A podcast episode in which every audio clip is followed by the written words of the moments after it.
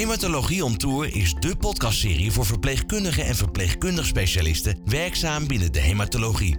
Kim Messelink en Bert Gravals gaan in gesprek met experts en ervaringsdeskundigen over thema's belangrijk in de zorg voor de hematologische patiënt. De onderwerpen die aan bod komen zijn onder andere palliatieve zorg, ambulante stamceltransplantaties, seksualiteit en vruchtbaarheid, late effecten en de zorg voor ouders met kanker. Welkom bij Hematologie on Tour, de podcast voor verpleegkundigen en verpleegkundig specialisten. Hoi Carolien. Dag Bert. In deze bijzondere podcast over ouders met kanker draaien we de rollen om. We interviewen Kim Messelink samen met Mandy, wiens man kanker gehad heeft terwijl zij samen een jong gezin hadden. Jullie kennen elkaar natuurlijk goed, jij en Kim. Kan je Kim voor ons publiek introduceren? Nou, dat kan ik eh, zeker doen. Kim is een eh, verpleegkundige die werkt op eh, de AJA-polen in het Radboud UMC. Dus speciale aandacht heeft voor de jongvolwassenen. Een zeer bevlogen, professionele verpleegkundige die nou, haar hart eigenlijk inzet voor de zorg van kinderen waarvan de ouders kanker hebben. En daar gaat deze podcast ook over. Mandy, zou jij iets kunnen vertellen over jouw ervaringen in het ziekenhuis? En misschien ook even iets over je achtergrond. Ja, zeker. Mijn naam is dus Mandy. Ik heb een partner Charlie. Twee jaar geleden is bij hem uitgeleide veelbalkanker vastgesteld. En ik heb drie stiefkinderen. Oftewel Charlie heeft drie kinderen. Eh, in de puberleeftijd alle drie. En twee jaar geleden is eigenlijk ons traject in het ziekenhuis begonnen. Uh, doordat Charlie vier behoorlijk pittige chemokuren heeft gehad daar. Ja, en onze ervaringen in het ziekenhuis op medisch vlak, die zijn echt fantastisch. Echt een hele goede medische zorg gehad. Gelukkig is alles ook goed gegaan. Uh, Charlie is schoon verklaard. Gisteren toevallig een controle gehad en alles gaat nog steeds goed. Dus op dat vlak hebben we hele fijne ervaringen. Maar wat we gemerkt hebben is dat op het gebied van mentale begeleiding, om het zo maar te noemen, het betrekken van de kinderen, het je ook op een andere manier benaderen dan patiënt, ja, daar hebben we echt uh, een aantal dingen in gemist. Ja, dus ik hoor jou eigenlijk zeggen, Charlie werd voornamelijk gezien als patiënt, maar niet als vader ja. van kinderen en als partner van jou. Nee, nee, zo zijn we niet tot nauwelijks benaderd. Eigenlijk pas in die laatste chemokuur, de laatste week, een dag voordat hij klaar was, toen kwam eigenlijk voor de allereerste keer de vraag van, goh, en hoe, uh, hoe gaat het eigenlijk met jullie? En toen kwam ook de vraag naar de kinderen of ook toen niet? Nee, nee, maar dat komt, dat moet ik er wel bij vertellen. Tja, mijn allereerste chemodag was ook meteen de allereerste dag van de lockdown, van corona. Dus we hebben die eerste week gelukkig nog toestemming gekregen voor de kinderen om allemaal één keer mee te komen naar het ziekenhuis. Om in ieder geval te kunnen zien waar hun vader lag en behandeld werd. En daarna bleef de één persoon bezoeksregeling gelden. En wij vonden de kinderen te jong om alleen bij papa op bezoek te gaan zonder dat daar nog een andere volwassene bij was. Vooral omdat hij behoorlijk ziek is geweest van de chemo. Oké, en kun je vertellen uh, wat had je graag gehad of gezien in het ziekenhuis met betrekking tot de kinderen? Um, nou, ik denk vooral gewoon de vraag, ook aan Charlie, goh, hoe gaat het ook als vader, hoe gaat het met de kinderen? En ik denk ook de dagen dat de kinderen er geweest zijn, ook gewoon de vraag aan de kinderen, goh, hoe vind je dit? Hoe uh, vind je het spannend? Kunnen we jou iets uitleggen? Eigenlijk heel bazaal. Ik verwacht helemaal geen uitgebreide gesprekken of vragen. Dat hoort ook niet bij de functie, bij de taak. Maar ik merkte dat ik wel miste dat iemand iets vroeg. Of ook gewoon ja, de kinderen aansprak. Of gewoon, hè, al is het maar wat spannend op papier ligt, hoe is dat voor jou? Heb je ja. vragen? Ja, dat. Dat heb ik vooral gemist. Ja, eigenlijk dat je kinderen gezien werden. Ja, vooral dat. Dat was ook met, hè, elke keer als, uh, als we daar opnieuw kwamen voor de volgende kuur, dan krijg je een check-up om te kijken of je de behandeling ook in kunt.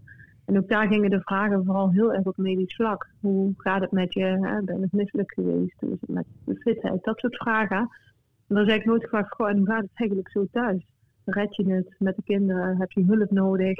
Dat was er allemaal niet. En toen ik daar later nog een keer naar gevraagd heb, ook bij de medische psychologie, toen zei ze ook, goh, stonden de folders al niet? Toen dacht ik, ja, mijn folder, sowieso heb ik ze niet gezien.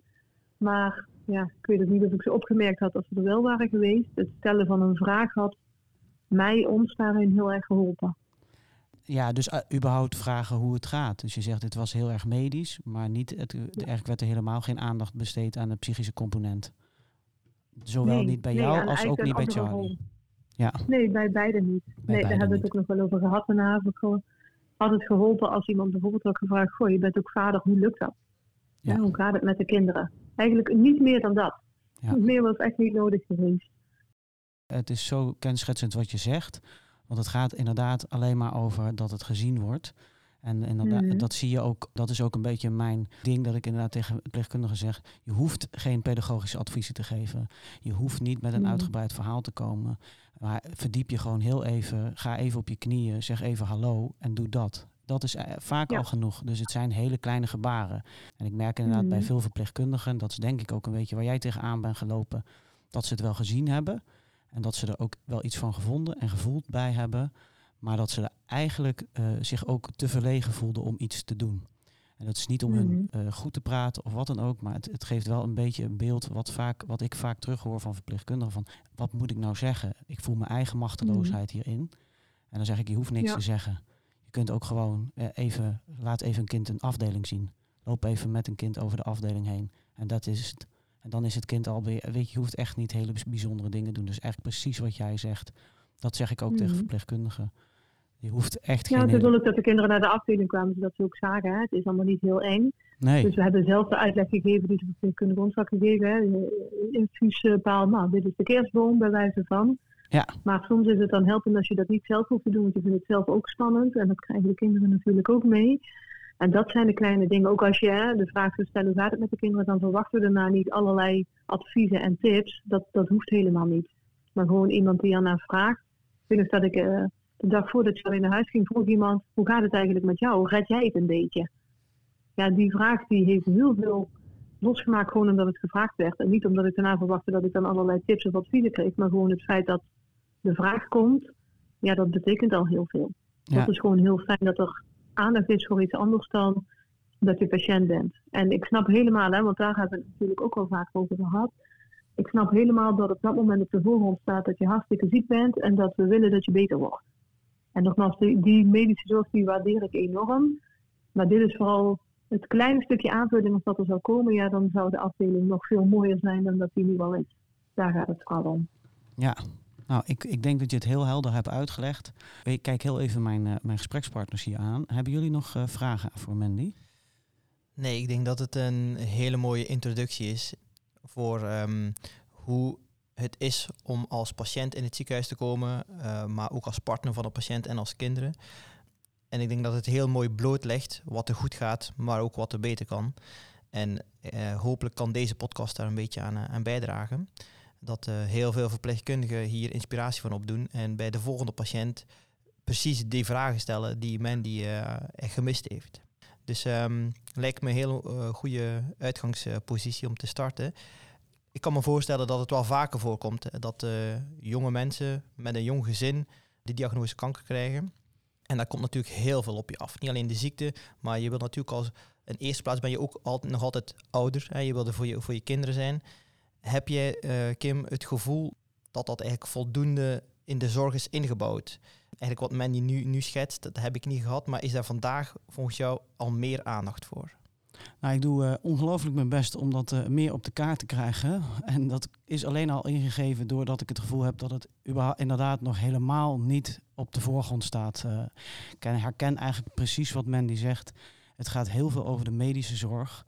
Wat ontzettend belangrijk is. En denk ik ook goed is dat artsen dat doen. Maar ik denk dat we als verpleegkundigen ja, hier eigenlijk de kans hebben om ons te profileren dit is ons stukje eh, als verpleegkundige. De psychosociale zorg en ook de zorg voor kinderen. Dit is wat ik zie, wat verpleegkundigen echt het verschil kunnen maken en moeten maken wat mij betreft.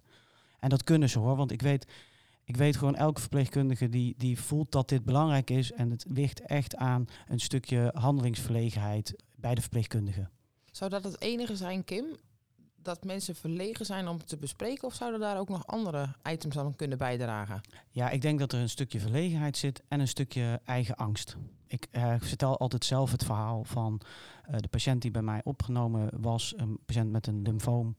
En ik kan nog het beeld voorhalen dat haar kind, we hadden net slecht nieuwsgesprek gehad, eh, dat ook moeder niet meer beter zou worden. En ik zie nog haar kind huppelend eh, de afdeling opkomen. En ik brak.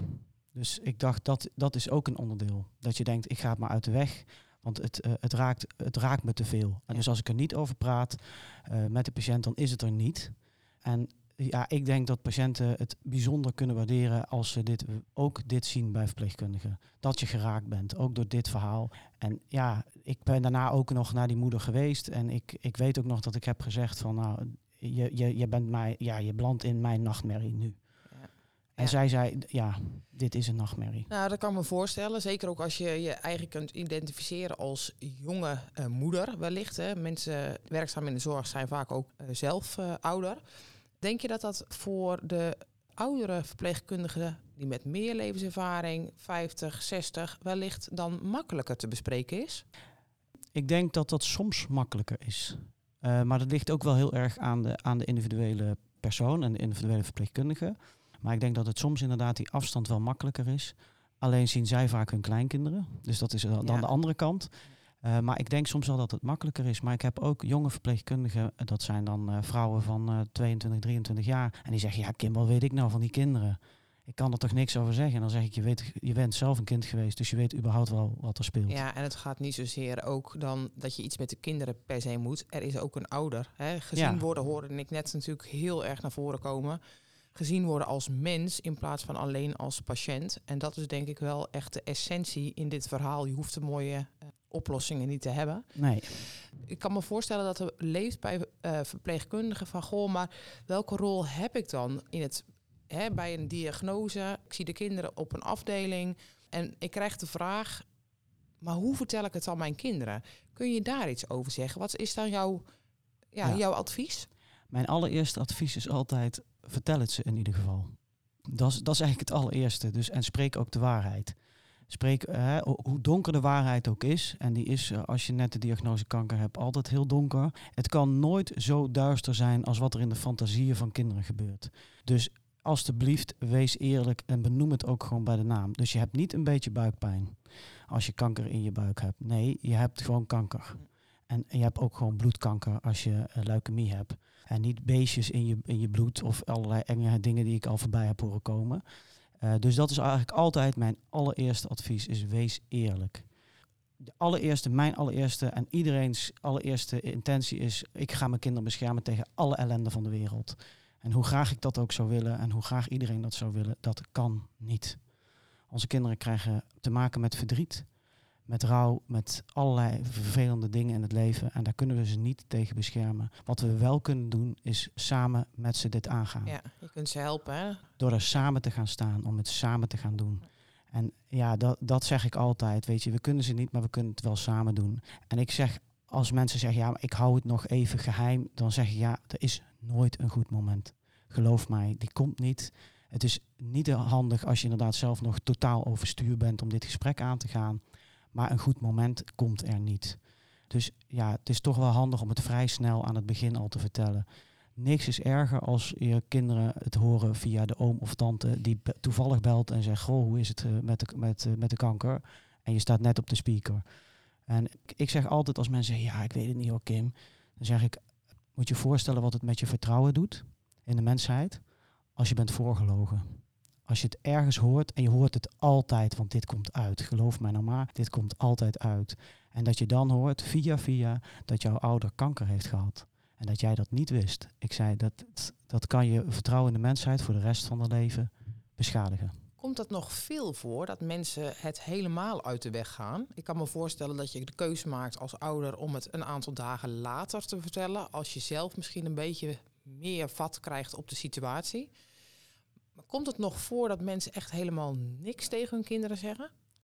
Oh, Dan moet ik inderdaad triest meedelen. Ik heb natuurlijk absoluut geen cijfers op dit gebied. Dus eh, dit zijn eh, ik spreek echt alleen maar uit eigen ervaring. Maar ik heb laatst ben ik gevraagd om te komen op een andere afdeling, op een longafdeling in ons ziekenhuis.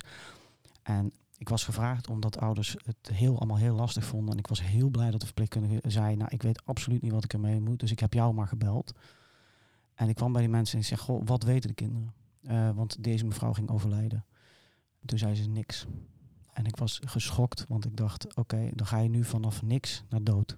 Ik krijg er een enorme kippenvel van Ja. als ik dit dan hoor. Omdat ik het bijna niet kan voorstellen dat dat nog gebeurt. Het gebeurt heel af en toe. Ja. Ja, en het is, heeft te maken met, ik had laatst ook iemand, en een patiënt van niet-westerse afkomst, daar zie ik het iets, iets meer. Ja.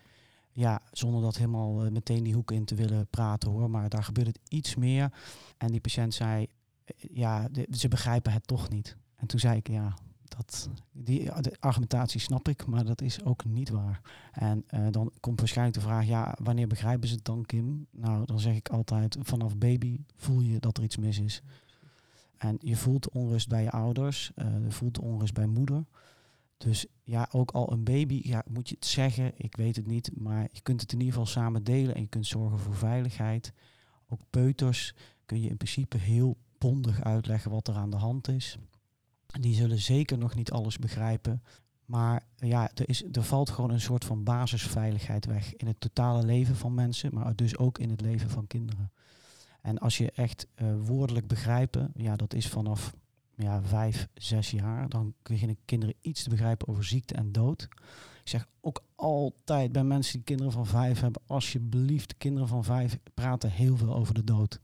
Dat hoeft helemaal niets met jou te maken te hebben. Ik bedoel, ik heb ook wel uit het niets een vraag van, van mijn eigen kinderen gehad die vroegen, mama, wanneer ga jij nou eigenlijk precies dood? Ik dacht, nou, dat is eh, lekker confronterend, maar dat hoort echt bij die leeftijd. Maar dat is de leeftijd dat kinderen er iets meer echt woordelijk van begrijpen. Eerder voelen ze dit echt. En kun je ze ook altijd betrekken door ze inderdaad gewoon mee te nemen. En als je vanaf, ja, ik zeg ook altijd vanaf zeven, dat is wel een beetje een scharnierleeftijd, want dan kunnen kinderen ook zelf lezen. Dus dan is het wel belangrijk dat je er ook altijd aandacht aan besteedt wat ze precies allemaal gaan opzoeken. Want er is een, eh, ja, ik zeg altijd, internet is een riool, hè, is een open riool. Dus daar komt alles op en alle ellende ook. Eh, dus daar moet je wel een beetje toezicht op houden. En die kun je, de kinderen kun je prima, die zijn vaak heel erg geïnteresseerd in wat er allemaal gebeurt. Ja, als ik kinderen bij ons op de afdeling zie, die willen altijd precies weten wat we allemaal hebben. Aan materialen en wat er allemaal precies aanhangt en hoe dat dan precies werkt. Zeker basisschoolkinderen. Ja, ik vind het enig, want ik vind het altijd ontzettend leuk om over mijn vak te praten. Dus ik, eh, ik vertel altijd precies wat er allemaal aanhangt. En di- dit zijn ook wel de kinderen waarvan ik stel, eh, waarvan ik altijd zeg. Er zijn heel veel ongestelde vragen. Ja, dan moet ik altijd aan het mopje denken met die ongestelde vraag. Maar, eh, maar er zijn heel veel vragen die kinderen wel hebben, maar ze niet stellen op die leeftijd. En dat is soms ook wel een belangrijke om aandacht voor te hebben van eh, zeker de vraag, ga je dood? Wat natuurlijk de allermoeilijkste vraag is voor ouders. Dat je die ook zelf al min of meer beantwoordt van, nou je kan misschien zijn dat je je nu afvraagt of ik doodga. Nou, dokters gaan er alles aan doen om dat te voorkomen, maar ik kan niet met zekerheid zeggen dat ik helemaal beter word. Dat is soms al genoeg. Als ouders het heel moeilijk vinden om hierover te beginnen, zijn er hulpmiddelen die je kan eh, bieden? Zijn er goede boeken, zijn er goede websites? Want je zegt zelf, kinderen gaan zelf het, web op. Kan jij hen daar een beetje in sturen? Ja, je hebt zelf een heel mooi boek vinden. Dan ga ik heel even een klein beetje bladeren, want ik moet het ook allemaal netjes zeggen.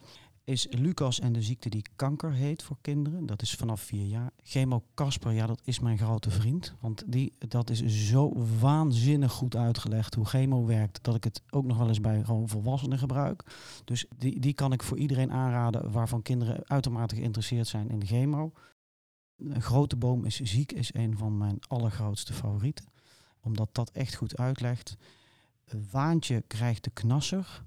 Eh, dat gaat over een kindje wat zelf eh, een ziekte krijgt. Die heet geen kanker, maar je ziet er door, de, ja, door het verhaal heen eh, krijg je wel door waar het over gaat. En net uit, wat ik zelf prachtig vind, is van Dieneke Verkijk en Paul Boele.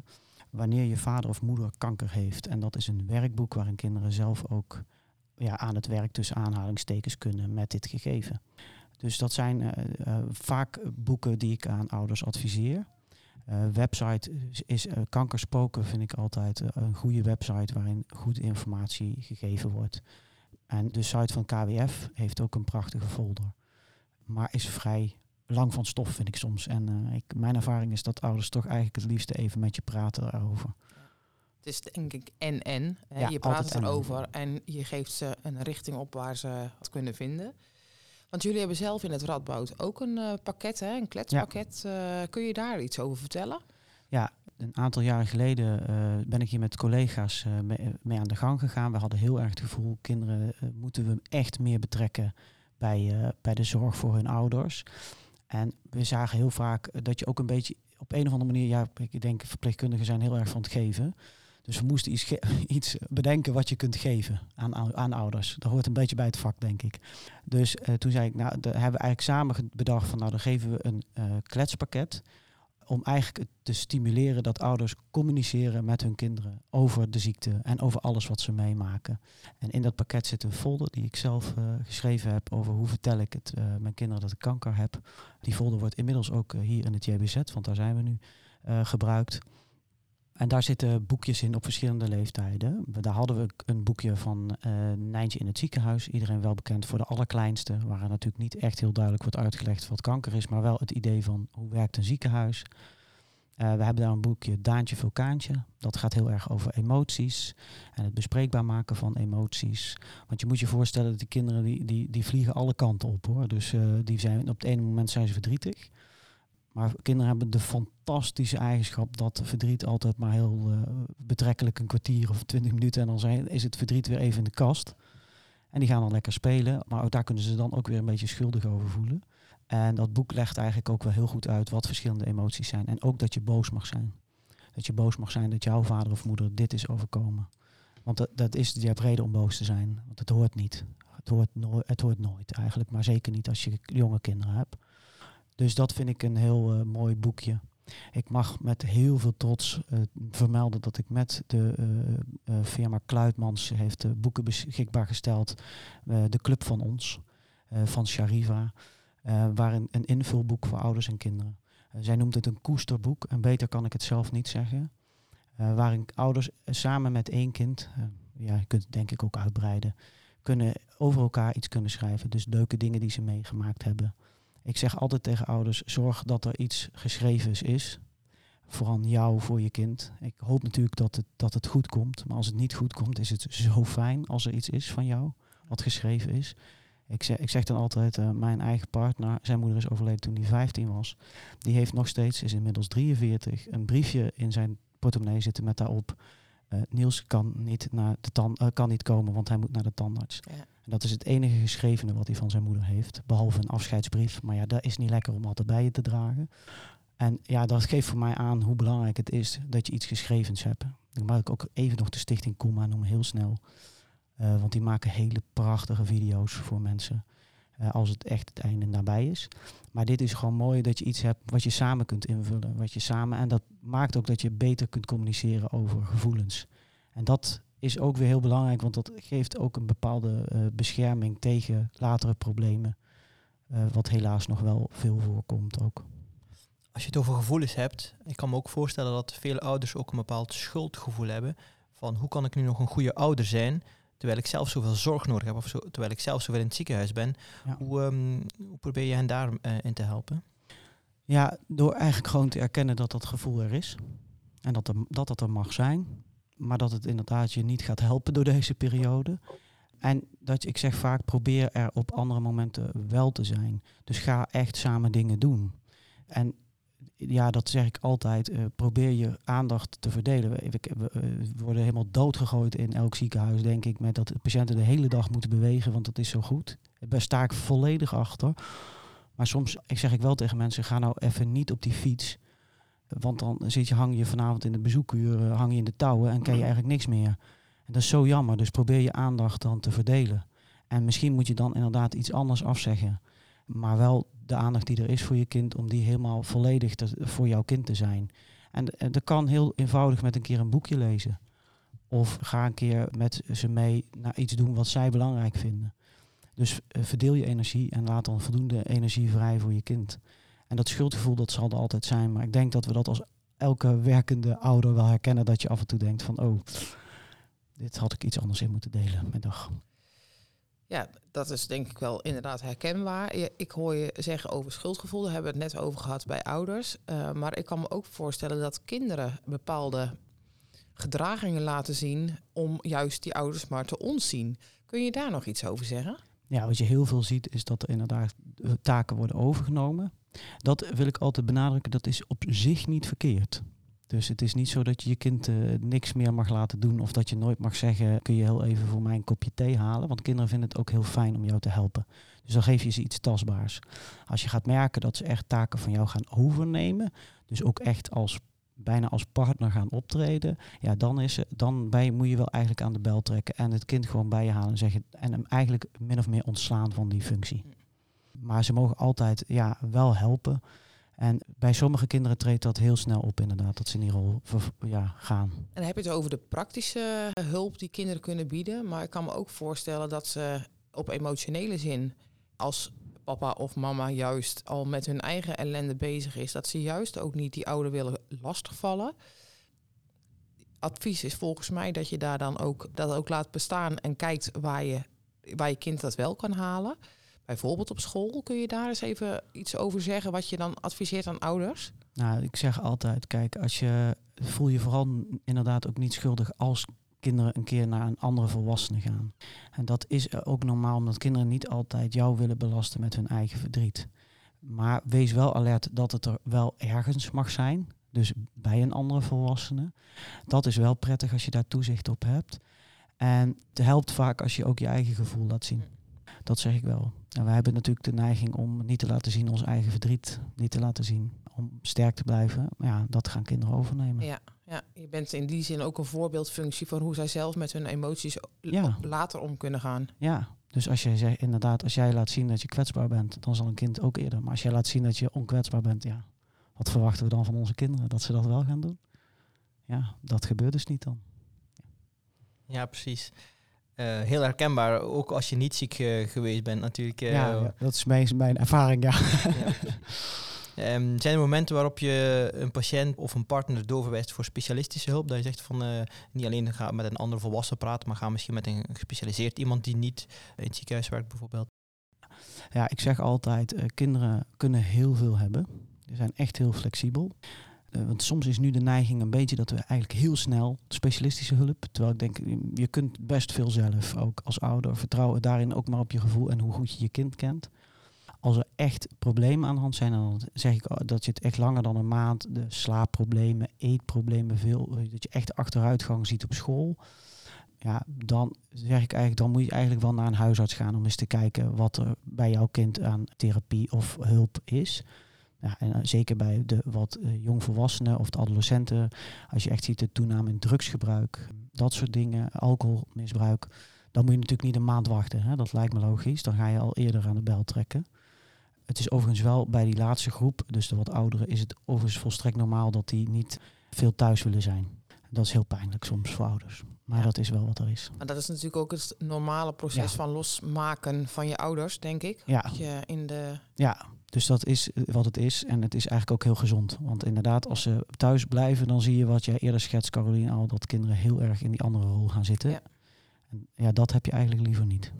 ja, je mag ze ook een volledige ontplooiing Ja, ja, gunnen, in, ook in lastige situaties. Dus Ja. eh, dat moet je vooral niet op jezelf betrekken, denk ik. eh, Nee. Dat klopt wat je zegt. Ja. nee. En ik zeg inderdaad ook altijd, laat die dagelijkse routine gewoon doorgaan.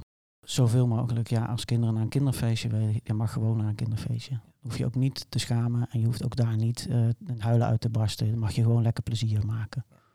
Mooi dat je dat al zegt, hè, dat het kind ook gewoon kind mag zijn. Altijd. Of de jongvolwassene gewoon jongvolwassene mag zijn in zijn leeftijds... eh, En ook gewoon vervelende dingen doen. ja, Ja, ja. en ja. eh, soms heel confronterend is. ook, maar ook dat is als je ook Maar gezond dat is bent. volgens mij ook, ja, ik zeggen, dat is ook als je gewoon een gezonde gezinssituatie hebt. Zeker. Ja, het kind kan er ook niks aan doen dat jij zelf ziek geworden bent. Of, eh, je... Absoluut niet. Dat is, dat is goed dat je dat aanhaalt, Bert. Want dat is het aller, allerbelangrijkste wat wij naar onze kinderen moeten uitstralen. Is dat dit nooit en te nimmer jouw schuld is. Wat je ook gedaan hebt, dit overkomt je. En zeker jonge kinderen kunnen echt nog wel magisch denken. Dus die denken, oh, ik heb gedacht, rot papa en nu heeft papa kanker. En oh, oh, wat heb ik gedaan? Nou ja, dat moet onmiddellijk op elke manier in de grond geko- eh, geboord worden. Want dat is absoluut niet waar. En ook ouderen, eh, jongvolwassenen en adolescenten kunnen dit ook wel hebben. Die kunnen dat zelf iets beter reguleren. Maar de, die schuldfantasieën, ja, daar moet je altijd op bedacht zijn. Hele waarde info- eh, waardevolle informatie. Ik hoop echt dat heel veel collega's van jullie deze podcast luisteren. Dat hoop ik ook. Ja, en ik wil eigenlijk jou nog wel één ding eh, vragen. Hè? Want ehm, in het Radboud eh, is het natuurlijk in een kleinere afdeling is het geregeld, hè? met name voor de oncologie. Wat zouden wij daar nou als verpleegkundigen in Nederland, eh, hoe kunnen we hiermee omgaan? Hoe kunnen we dit op de kaart zetten in ons eigen ziekenhuis? Door erover te praten, ten eerste. En je kunt er gewoon mee beginnen, morgen al. Door gewoon de volgende keer als je een patiënt ziet en je weet en er hangt een kindertekening en zegt: hey, wat een leuke tekening, van wie is dat? Ja. En dan krijg je altijd een verhaal. Dat is, dat is altijd het begin. Dat is eigenlijk precies wat Mandy, hoe klein het is. Het is alleen maar vragen. Dus het, je hoeft helemaal niks te doen. Dus je hoeft niet een kletspakket te organiseren en Europa Run aan te schrijven en weet ik veel wie nog meer om geld te, te- bij elkaar te zamelen. Het begint be- met iets heel kleins. Maar uiteindelijk ligt daar ook de essentie, denk ik, eh, wat we ook wel eh, zagen en hoorden in de eerdere podcast. Zie die patiënt nou niet als een patiënt, maar zie hem als mens in zijn context. En door dat met aandacht te doen, ook in dit geval, komt je zorg ook veel beter tot zijn recht. Ja, Dan heb je ook echt zicht op wat daar speelt. En dat is volgens mij in, met alle medische boeken, dat kunnen we.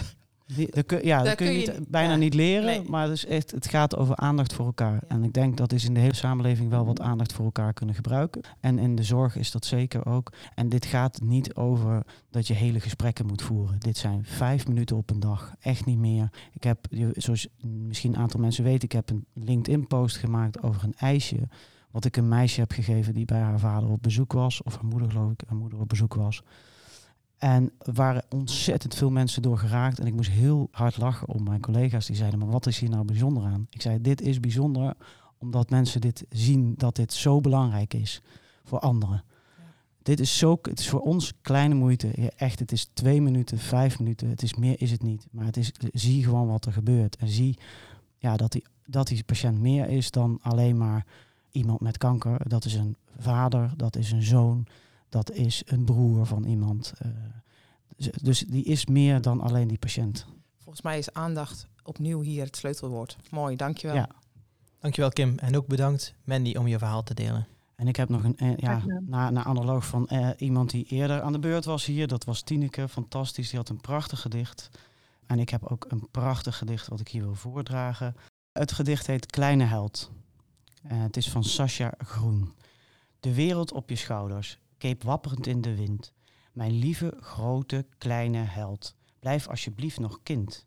Je, je sjouwt een zware rugzak vol zorgen en vol vragen. Loslaten onmogelijk gewend geraakt te dragen. Je hoort gewoon te spelen met de kinderen uit je klas. Doe maar even af die cape en hang hem naast je jas. Ik zie echt wel hoe sterk je bent en toch doet het me zeer. Aan je voeten hoort de wereld, leg hem daar maar even neer.